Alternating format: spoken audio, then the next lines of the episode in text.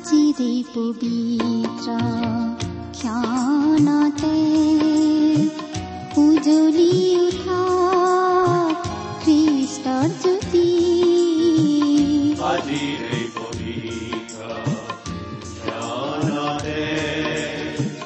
উজলি উঠা খ্ৰীষ্টৰ জ্যোতি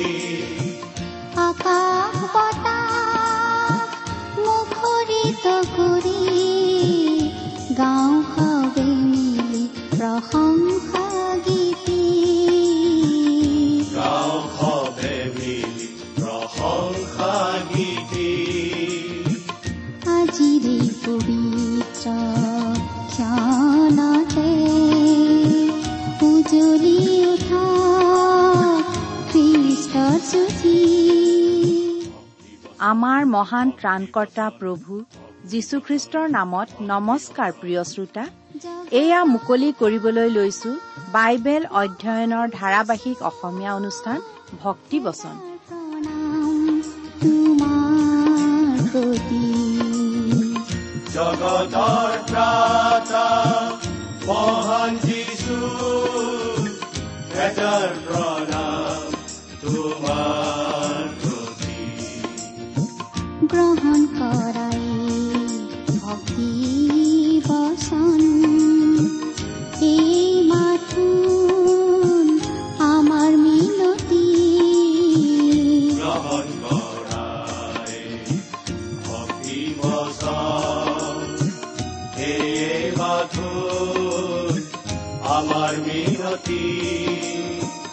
আকাশ বতাহ মুখৰিত কৰি গাঁও সবে মিলি প্ৰশংসা গীতি গাঁও সবে মিলি প্ৰশংসা গীতি আমাৰ মহান ত্ৰাণকৰ্তা প্ৰভু যীশুখ্ৰীষ্টৰ নামত নমস্কাৰ প্ৰিয় শ্ৰোতা।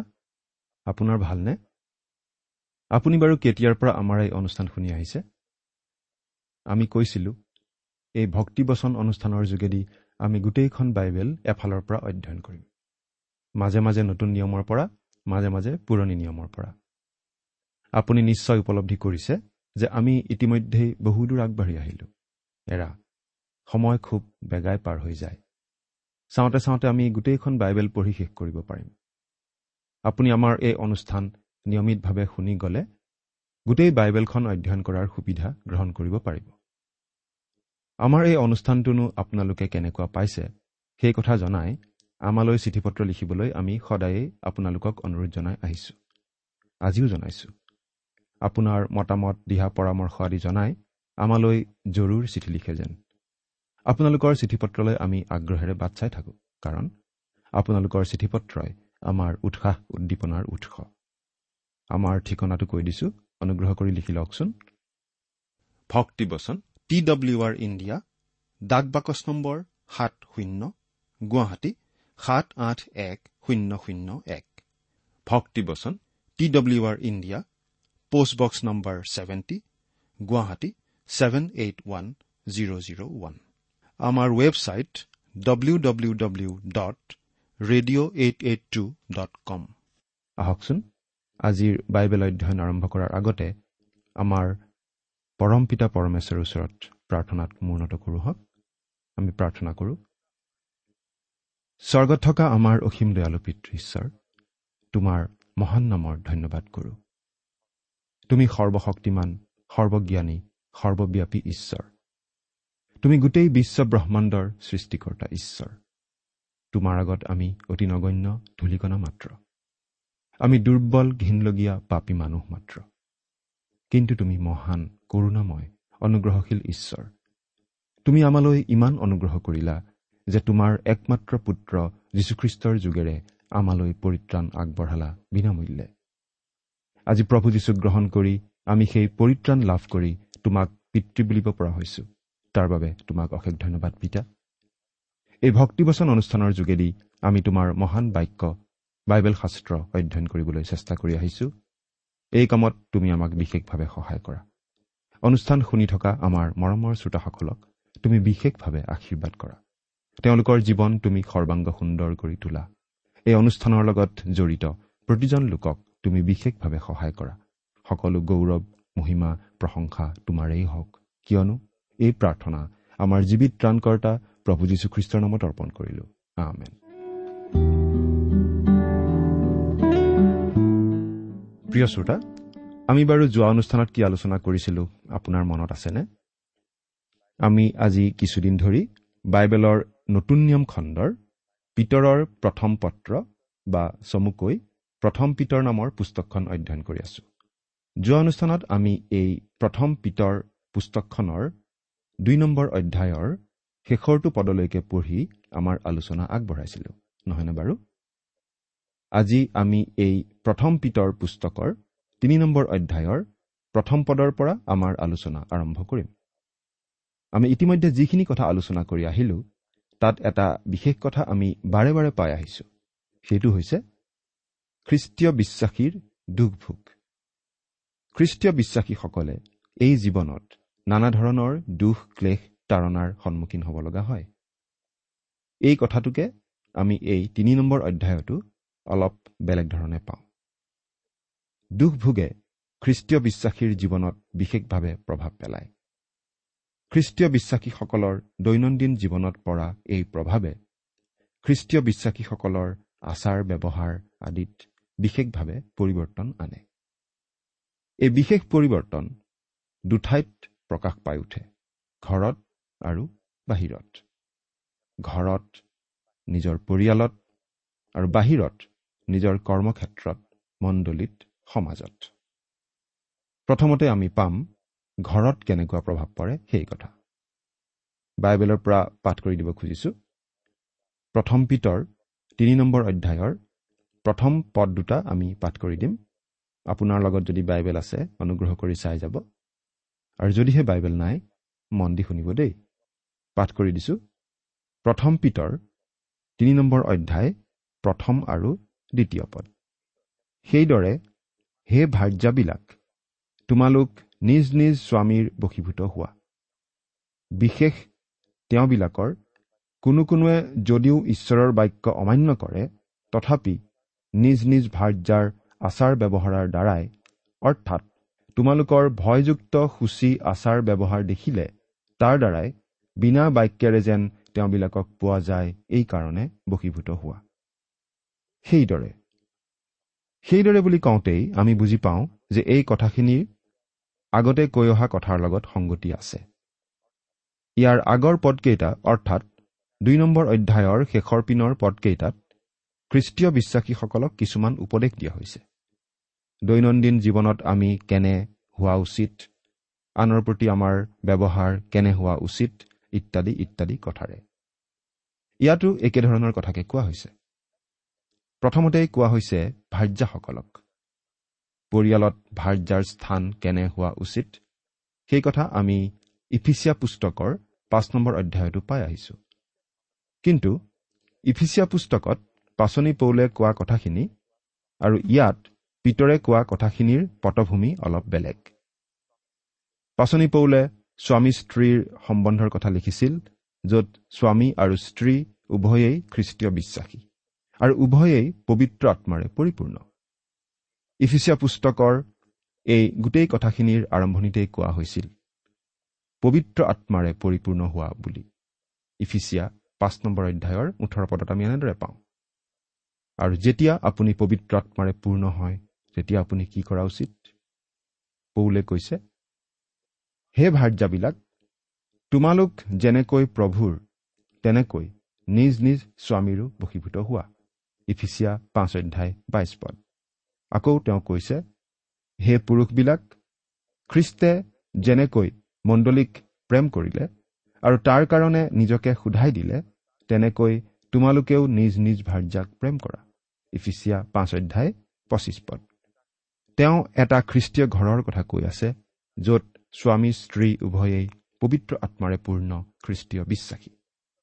আৰু সেই সম্বন্ধ এনেকুৱা গভীৰ যে পুৰুষজনে স্ত্ৰীক প্ৰেম কৰে আৰু প্ৰয়োজন সাপেক্ষে স্ত্ৰীৰ বাবে মৰিবলৈকো সাজু। যিকোনো এটা অনুষ্ঠানত শৃংখলা বৰ্তি থাকিবলৈ হলে এজন মুৰব্বী লাগিবই। বিবাহৰ ক্ষেত্ৰত সেই স্থান দিয়া হৈছে স্বামীজনক। স্ত্ৰীক স্বামীৰ বশীভূত হ'বলৈ কোৱা হৈছে। কিন্তু এই বশ্যতা বা বাধ্যতা ল'ৰা ছোৱালীৰ বাধ্যতা যেনেকুৱা তেনেকুৱা নহয়। বহুতো মানুহে ভাবে তেওঁক তেওঁৰ সন্তানে যেনেকৈ মানে স্ত্ৰীয়েও তেনেকৈয়ে মানিব লাগিব। এইটো সঁচা কথা নহয়। বশীভূত হোৱা বুলি কোৱাৰ লগে লগে স্বইচ্ছাই বস হোৱা কথাটো আহি পৰে। পাচনি পৌলে ভাৰ্যাসকলক কৈছে তোমালোক তোমালোকৰ স্বামীৰ বশীভূত হোৱা কাৰণ তেওঁলোকে তোমালোকক প্ৰেম কৰে। আচলতে এইটো ক্ৰিয়া প্ৰতিক্ৰিয়াৰ নিচিনা কথা। স্বামীয়ে ভাৰ্যাক কয় মই তোমাক ভাল পাওঁ। আৰু তেতিয়া ভাৰ্যাই সঁহাৰি দি কয় ময়ো আপোনাক ভাল পাওঁ। আপোনাৰ কথাকে মোৰ কথা বুলি মানো। বিবাহ আচলতে তিনিটা পৰ্যায়ত হয়। প্ৰথমটো হৈছে শাৰীৰিক।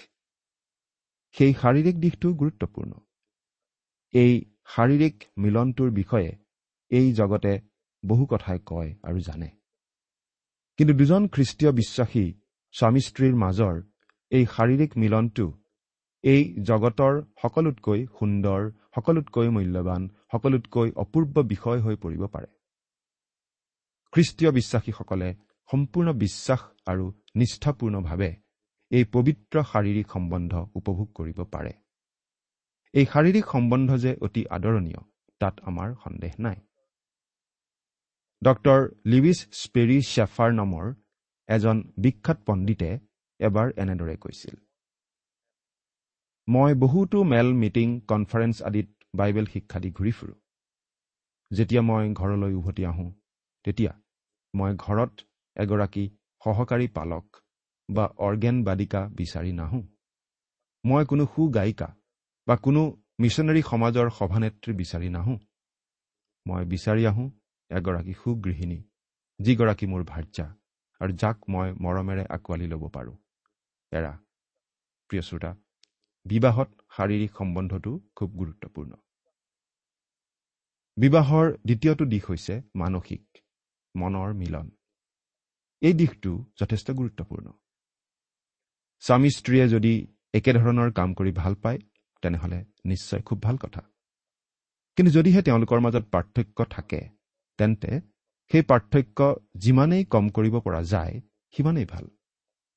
স্বামীয়ে যদি নিজৰ ভালপোৱা বন্ধু বান্ধৱৰ লগতে সময় কটায় আৰু ভাৰ্যায়ো যদি নিজৰ বান্ধৱীসকলৰ লগতেই সময় কটাই ভাল পায় তেনেহ'লে তেনেকুৱা পৰিয়ালত অশান্তি হোৱাৰ সম্ভাৱনা থাকিবই। আৰু এই কথা আমি দেখি আহিছোঁ। বিবাহৰ তৃতীয়টো দিশ হৈছে আত্মিক। আত্মিক সম্বন্ধ। এই কথা খ্ৰীষ্টীয় বিশ্বাসীসকলৰ মাজত হোৱা বিবাহৰ ক্ষেত্ৰত প্ৰযোজ্য। যেতিয়া দুখ কষ্ট সমস্যা আদি আহে তেতিয়া স্বামী স্ত্ৰী উভয়ে একেলগে আঁঠু লৈ প্ৰাৰ্থনা কৰিব পাৰিব লাগিব। ঈশ্বৰৰ আগত মিনতি জনাব পাৰিব লাগিব। এক মনেৰে। এইটো বিবাহৰ তৃতীয়টো দিশ। প্ৰথম দুটা সম্বন্ধ হয়তো ভাঙি দিব পাৰি। কিন্তু তিনিতৰপীয়া ৰছী এডাল সহজে নিচিগে উপদেশক চাৰি অধ্যায় বাৰ পদ। যেতিয়া আমাৰ বিবাহত এই তিনিটা সম্বন্ধ ঠিকে থাকে আমাৰ বিবাহ হৈ থাকে আশীৰ্বাদপূৰ্ণ আনন্দকৰ অভিজ্ঞতা। প্ৰথমটো সম্বন্ধত কেনা লাগিলেও তৃতীয়টো সম্বন্ধই ধৰি ৰাখিব। বিবাহ ভাগি নাযায়। কিন্তু প্ৰথম দুটাৰ সৈতে যদি তৃতীয়টো সম্বন্ধও ভাগি যায় তেনেহ'লে সেই বিবাহ বিফল হ'ব। গতিকে আমি আমাৰ পৰিয়ালত এই তৃতীয়টো সম্বন্ধ অৰ্থাৎ আত্মিক সম্বন্ধটোৰ ওপৰত যথেষ্ট গুৰুত্ব দিয়া উচিত। এতিয়া ধৰক এগৰাকী খ্ৰীষ্টীয় বিশ্বাসী ছোৱালীৰ বিয়া হ'ল এজন অবিশ্বাসীৰ লগত। প্ৰথম কথা তেনেকুৱা বিয়াত ছোৱালীজনীয়ে আচলতে সন্মতি দিয়াই উচিত নহয়। কোনো অবিশ্বাসীৰ সৈতে খ্ৰীষ্টীয় বিশ্বাসীয়ে বিবাহ পাশত আবদ্ধ হ'ব নালাগে। বাইবেলত লিখিছে গৰুকে গাধকে জুতি হাল নাবাবা। দ্বিতীয় বিৱৰণ বাইছ অধ্যায় দহ পদ। এবাৰ এগৰাকী ছোৱালী পালকৰ ওচৰলৈ আহি ক'লে পালক মহোদয় মই ভাল পোৱা ডেকাজন খ্ৰীষ্টীয় বিশ্বাসী নহয় কিন্তু মই তেওঁক খ্ৰীষ্টলৈ জয় কৰিম। পালকে সুধিলে তুমি জানো আজিলৈকে তেওঁক জয় কৰিব পাৰিলা? ছোৱালীজনীয়ে উত্তৰ দিলে নাই। তেতিয়া পালকে ক'লে তুমি যদি এতিয়াই তেওঁক খ্ৰীষ্টলৈ আনিব পৰা নাই তেন্তে বিয়াৰ পাছত খ্ৰীষ্টলৈ অনাৰ সম্ভাৱনা অতি ক্ষীণ। ছোৱালীজনীয়ে পালকৰ কথা নামানি আন এঠাইত গৈ সেই ডেকাজনৰ সৈতে বিবাহত সোমাল। কিন্তু দুবছৰ পাছত তাই কান্দি কান্দি সেই পালকৰ ওচৰলৈ আকৌ আহিল। কাৰণ ইতিমধ্যেই তাইৰ বিবাহ বিচ্ছেদ হৈ গৈছিল। এনেকুৱা ধৰণৰ দুখ লগা অৱস্থা প্ৰায়েই হয় যদিহে খ্ৰীষ্টীয় বিশ্বাসী লোকে অবিশ্বাসী লোকৰ সৈতে বিবাহ পাশত আবদ্ধ হয়। প্ৰথম পিতৰৰ তিনি নম্বৰ অধ্যায়ৰ এই পদ দুটাত আচলতে এনেকুৱা এটা পৰিস্থিতিৰ কথা কোৱা হৈছে য'ত ভাৰ্যাগৰাকী খ্ৰীষ্টীয় বিশ্বাসী কিন্তু স্বামীজন নহয়। খুব সম্ভৱ বিবাহৰ পাছত ভাৰ্যাগৰাকীয়ে খ্ৰীষ্টক গ্ৰহণ কৰাত এনে এটা পৰিস্থিতি হৈছে।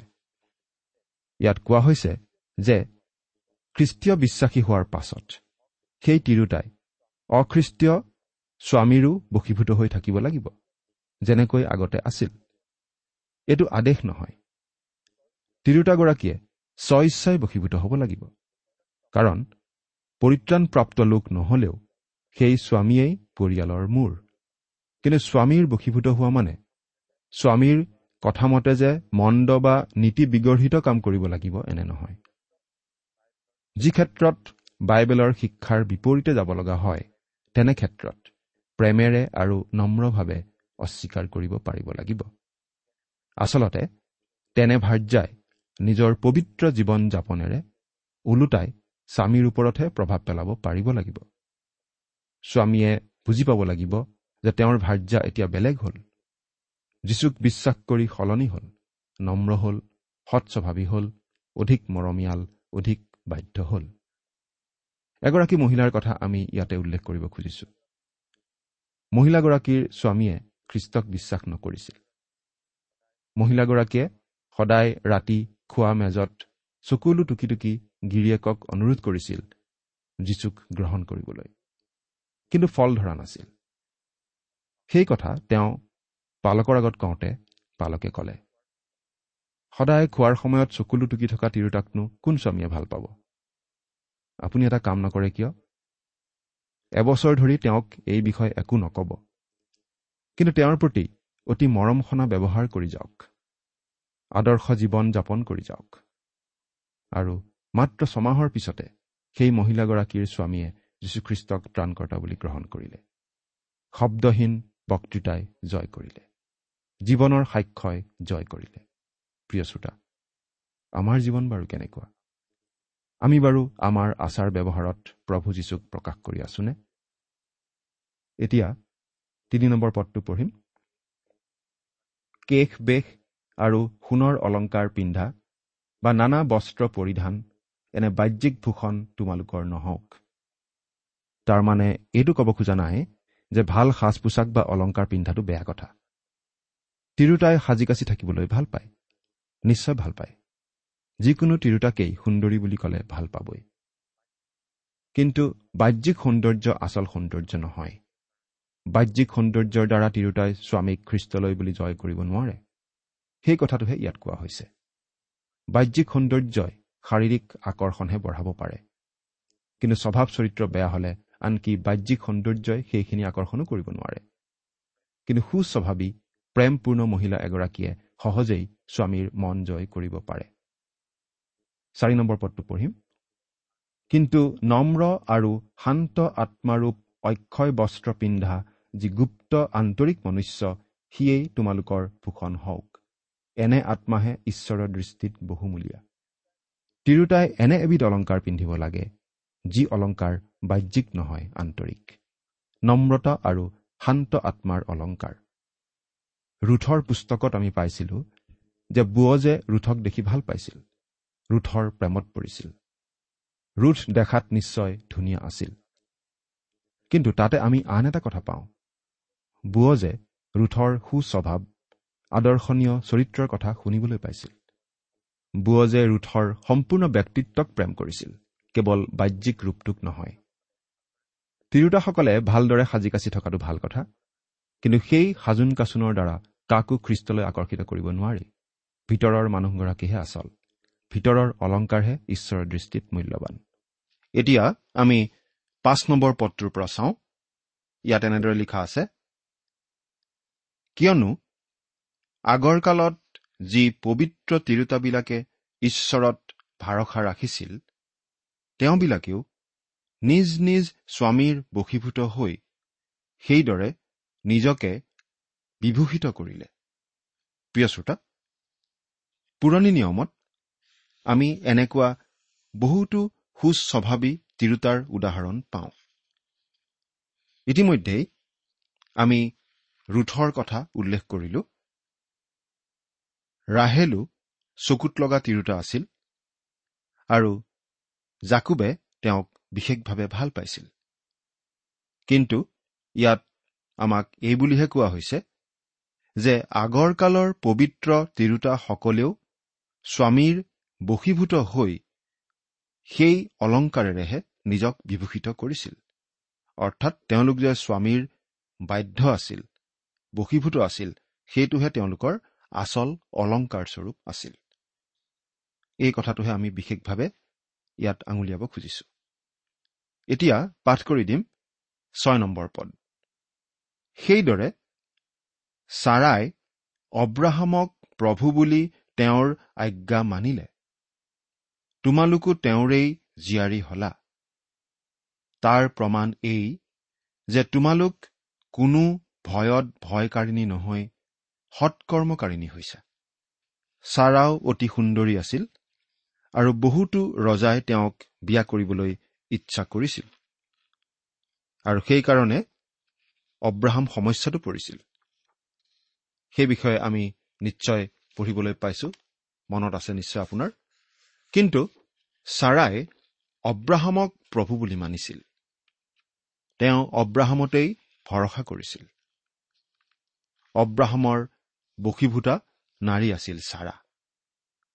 প্ৰতিগৰাকী ভাৰ্যাই নিজ নিজ স্বামীৰ ওপৰত ভৰসা কৰিব পৰা হলে কিমান ভাল হলহেঁতেন নহয়নে বাৰু?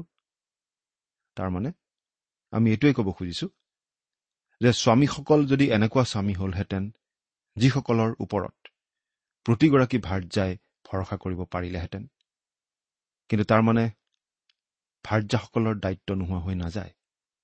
তেওঁলোকে নিজ নিজ স্বামীৰ বশীভূত হ'ব লাগে। এতিয়া পিতৰে স্বামীসকলক ক'ব ধৰিছে সাত নম্বৰ পদটো চাওকচোন। সেইদৰে হে পুৰুষবিলাক তোমালোকতকৈ স্ত্ৰী লোক দুৰ্বল ভাণ্ড আৰু জীৱনৰূপ অনুগ্ৰহৰ সহধিকাৰিণী বুলি জানি তোমালোকৰ প্ৰাৰ্থনাৰ যে বাধা নজন্মে এইকাৰণে তেওঁবিলাকে সৈতে জ্ঞানমতে সহবাস কৰি তেওঁবিলাকক সমাদৰ কৰা। প্ৰিয় শ্ৰোতা এই বিশেষ কথাটো প্ৰতিজন স্বামীয়ে মনত ৰখা উচিত। ভাৰ্যা খ্ৰীষ্টীয় বিশ্বাসী হওকেই বা নহওক স্বামীসকলে এই কথাটো মানিবই লাগে। স্বামীয়ে ভাৰ্যাক দুৰ্বল ভাণ্ড বুলি জানি তেনেকৈ সমাদৰ কৰা উচিত। আমি মনত ৰখা উচিত যে পুৰুষ আৰু নাৰী কেতিয়াও একে নহয়। পুৰুষ পুৰুষেই নাৰী নাৰীয়েই। ঈশ্বৰে তেনেকৈয়ে সৃষ্টি কৰিলে। পুৰুষ আৰু নাৰীক বেলেগকৈ। নাৰী দুৰ্বল ভাণ্ড। গতিকে নাৰীক সন্মান আদৰ যত্ন কৰি ব্যৱহাৰ কৰা উচিত। এই কথাটো নাৰীসকলেও মনত ৰখা উচিত। পুৰুষৰ নিচিনা হ'বলৈ চেষ্টা কৰি নাৰীয়ে কেতিয়াও অধিক সন্মান নাপায়। কিন্তু নাৰী নাৰীসুলভ হৈ থাকিলেই পুৰুষৰ আচলতে বেছি আদৰ পায়। নহয়নে বাৰু? সকলো স্বামীয়েই জনা উচিত যে নাৰীসকল পুৰুষতকৈ দুৰ্বল। গতিকে ভাৰ্যসকলক স্বামীসকলে বিশেষ যত্ন লোৱা উচিত বিশেষভাৱে সমাদৰ কৰা উচিত। তোমালোকৰ প্ৰাৰ্থনাৰ যেন বাধা নজন্মে। অৰ্থাৎ যদিহে স্বামী আৰু স্ত্ৰীৰ মাজৰ সম্বন্ধ ঠিক নাথাকে তেতিয়া পাৰিবাৰিক প্ৰাৰ্থনাত বিঘিনি জন্মিব। তেতিয়া স্বামী আৰু স্ত্ৰী দুয়ো একেলগে প্ৰাৰ্থনা কৰিবও নোৱাৰিব। তেতিয়া আচলতে ব্যক্তিগত প্ৰাৰ্থনাটো বিঘিনি জন্মিব। কিন্তু যদি স্বামীয়ে স্ত্ৰীৰ প্ৰতি উপযুক্ত ব্যৱহাৰ কৰে আৰু স্ত্ৰীয়েও স্বামীৰ বশীভূতা হৈ থাকে তেতিয়া পৰিয়ালত ঐক্য বিৰাজ কৰিব ভাল পৰিৱেশ থাকিব প্ৰাৰ্থনাৰ অনুকূল পৰিৱেশ থাকিব আৰু প্ৰাৰ্থনাৰ জীৱনো হ'ব সফল। প্ৰিয় শ্ৰোতা আমি মনত ৰখা উচিত যে ঈশ্বৰেই নৰ নাৰী সৃষ্টি কৰিলে। মানুহ অকলে থকা ভাল নহয় সেইবাবেই। মানুহৰ সংগিনী হিচাপে ঈশ্বৰে নাৰীক সৃষ্টি কৰিলে। স্বামী স্ত্ৰীৰ বন্ধন পবিত্ৰ বন্ধন। এই বন্ধন পবিত্ৰ কৰি ৰখাত স্বামী আৰু স্ত্ৰী দুয়োৰো দায়িত্ব আছে। এই দায়িত্ব গধুৰ দায়িত্ব কিন্তু পালন কৰিবলগীয়া দায়িত্ব। কিন্তু আমি এটা কথা দৃঢ়ভাৱে ক'ব পাৰোঁ যে প্ৰভু যীশুখ্ৰীষ্টক আমি আমাৰ নিজৰ নিজৰ জীৱনত স্থান দিলেহে আমাৰ পাৰিবাৰিক জীৱনো সফল সুন্দৰ আৰু সুখময় হৈ উঠে। এই কথা আমি বাৰু মনত ৰাখিছোনে? ঈশ্বৰে আমাক আশীৰ্বাদ কৰক। আমেন। ইমান পৰে আপুনি ভক্তিবচন অনুষ্ঠানটি শুনিলে। অনুষ্ঠানটি শুনি কেনে পালে? আমালৈ চিঠি লিখি জনাবচোন। অনুষ্ঠানত প্ৰচাৰ কৰা কোনো কথা বুজিব লগা থাকিলেও আমালৈ লিখক। আমাৰ ঠিকনা ভক্তিবচন টি ডাব্লিউ আৰ ইণ্ডিয়া ডাক পাকচ নম্বৰ সাত শূন্য গুৱাহাটী সাত আঠ এক শূন্য শূন্য এক। ঠিকনাটো আৰু এবাৰ কৈছো ভক্তিবচন টি ডাব্লিউ আৰ ইণ্ডিয়া ডাক পাকচ নম্বৰ সাত শূন্য গুৱাহাটী সাত আঠ এক শূন্য শূন্য এক। আপুনি ইমেইল যোগেৰেও আমাৰ সৈতে যোগাযোগ কৰিব পাৰে। আমাৰ ইমেইল আইডিটো হৈছে Assamese T TV at radio' eight eight two dot com. আইডিটো আকৌ এবাৰ কৈছো। Assamese T TV at radio' eight eight two dot com. আপুনি টেলিফোনৰ মাধ্যমেৰেও আমাক যোগাযোগ কৰিব পাৰে। আমাৰ টেলিফোন নম্বৰটো হৈছে শূন্য তিনি ছয় এক দুই ছয় শূন্য চাৰি ছয় সাত এক। ফোন নম্বৰটো আকৌ এবাৰ কৈছো zero' three six one two six zero' four six seven one.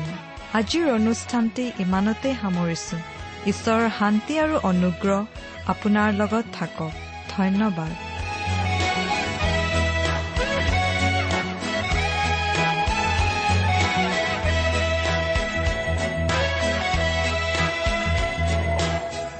সৃজিছিলা যোন বেলি তৰা ইয়াৰ কাষলে মোৰ যিছু তুমি আহা তুমি সৃজিছিলা যোন বেলি তৰা ইয়াৰ কাষলে মোৰ যিছু তুমি আহা।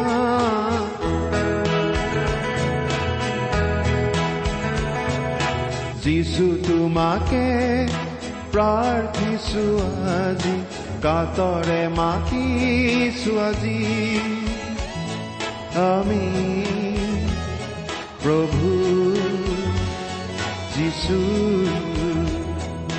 যিছু তোমাকে প্ৰাৰ্থিছো আজি কাতৰে মাতিছো আজি আমি প্ৰভু যিছু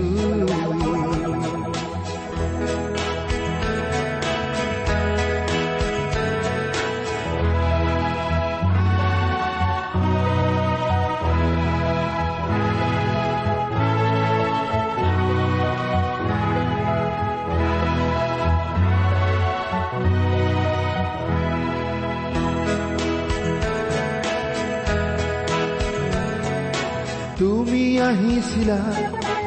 এই জগতলৈ আমাৰ সকলোকে জীৱন দিবলৈ তুমি আহিছিলা। এই জগতলৈ আমাৰ সকলোকে জীৱন দিবলৈ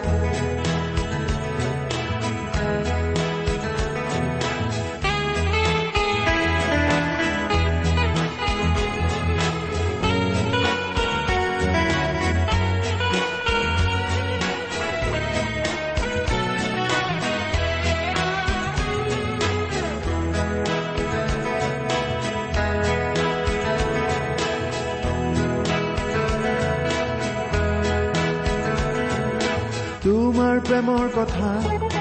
বৰ্ণাই নপৰেও হোৱা দিছো তুমি। চিৰ দিনে মোৰ তোমাৰ প্ৰেমৰ কথা। বৰ্ণাই নপৰেও হোৱা দিছো তুমি। চিৰ দিনে মোৰ।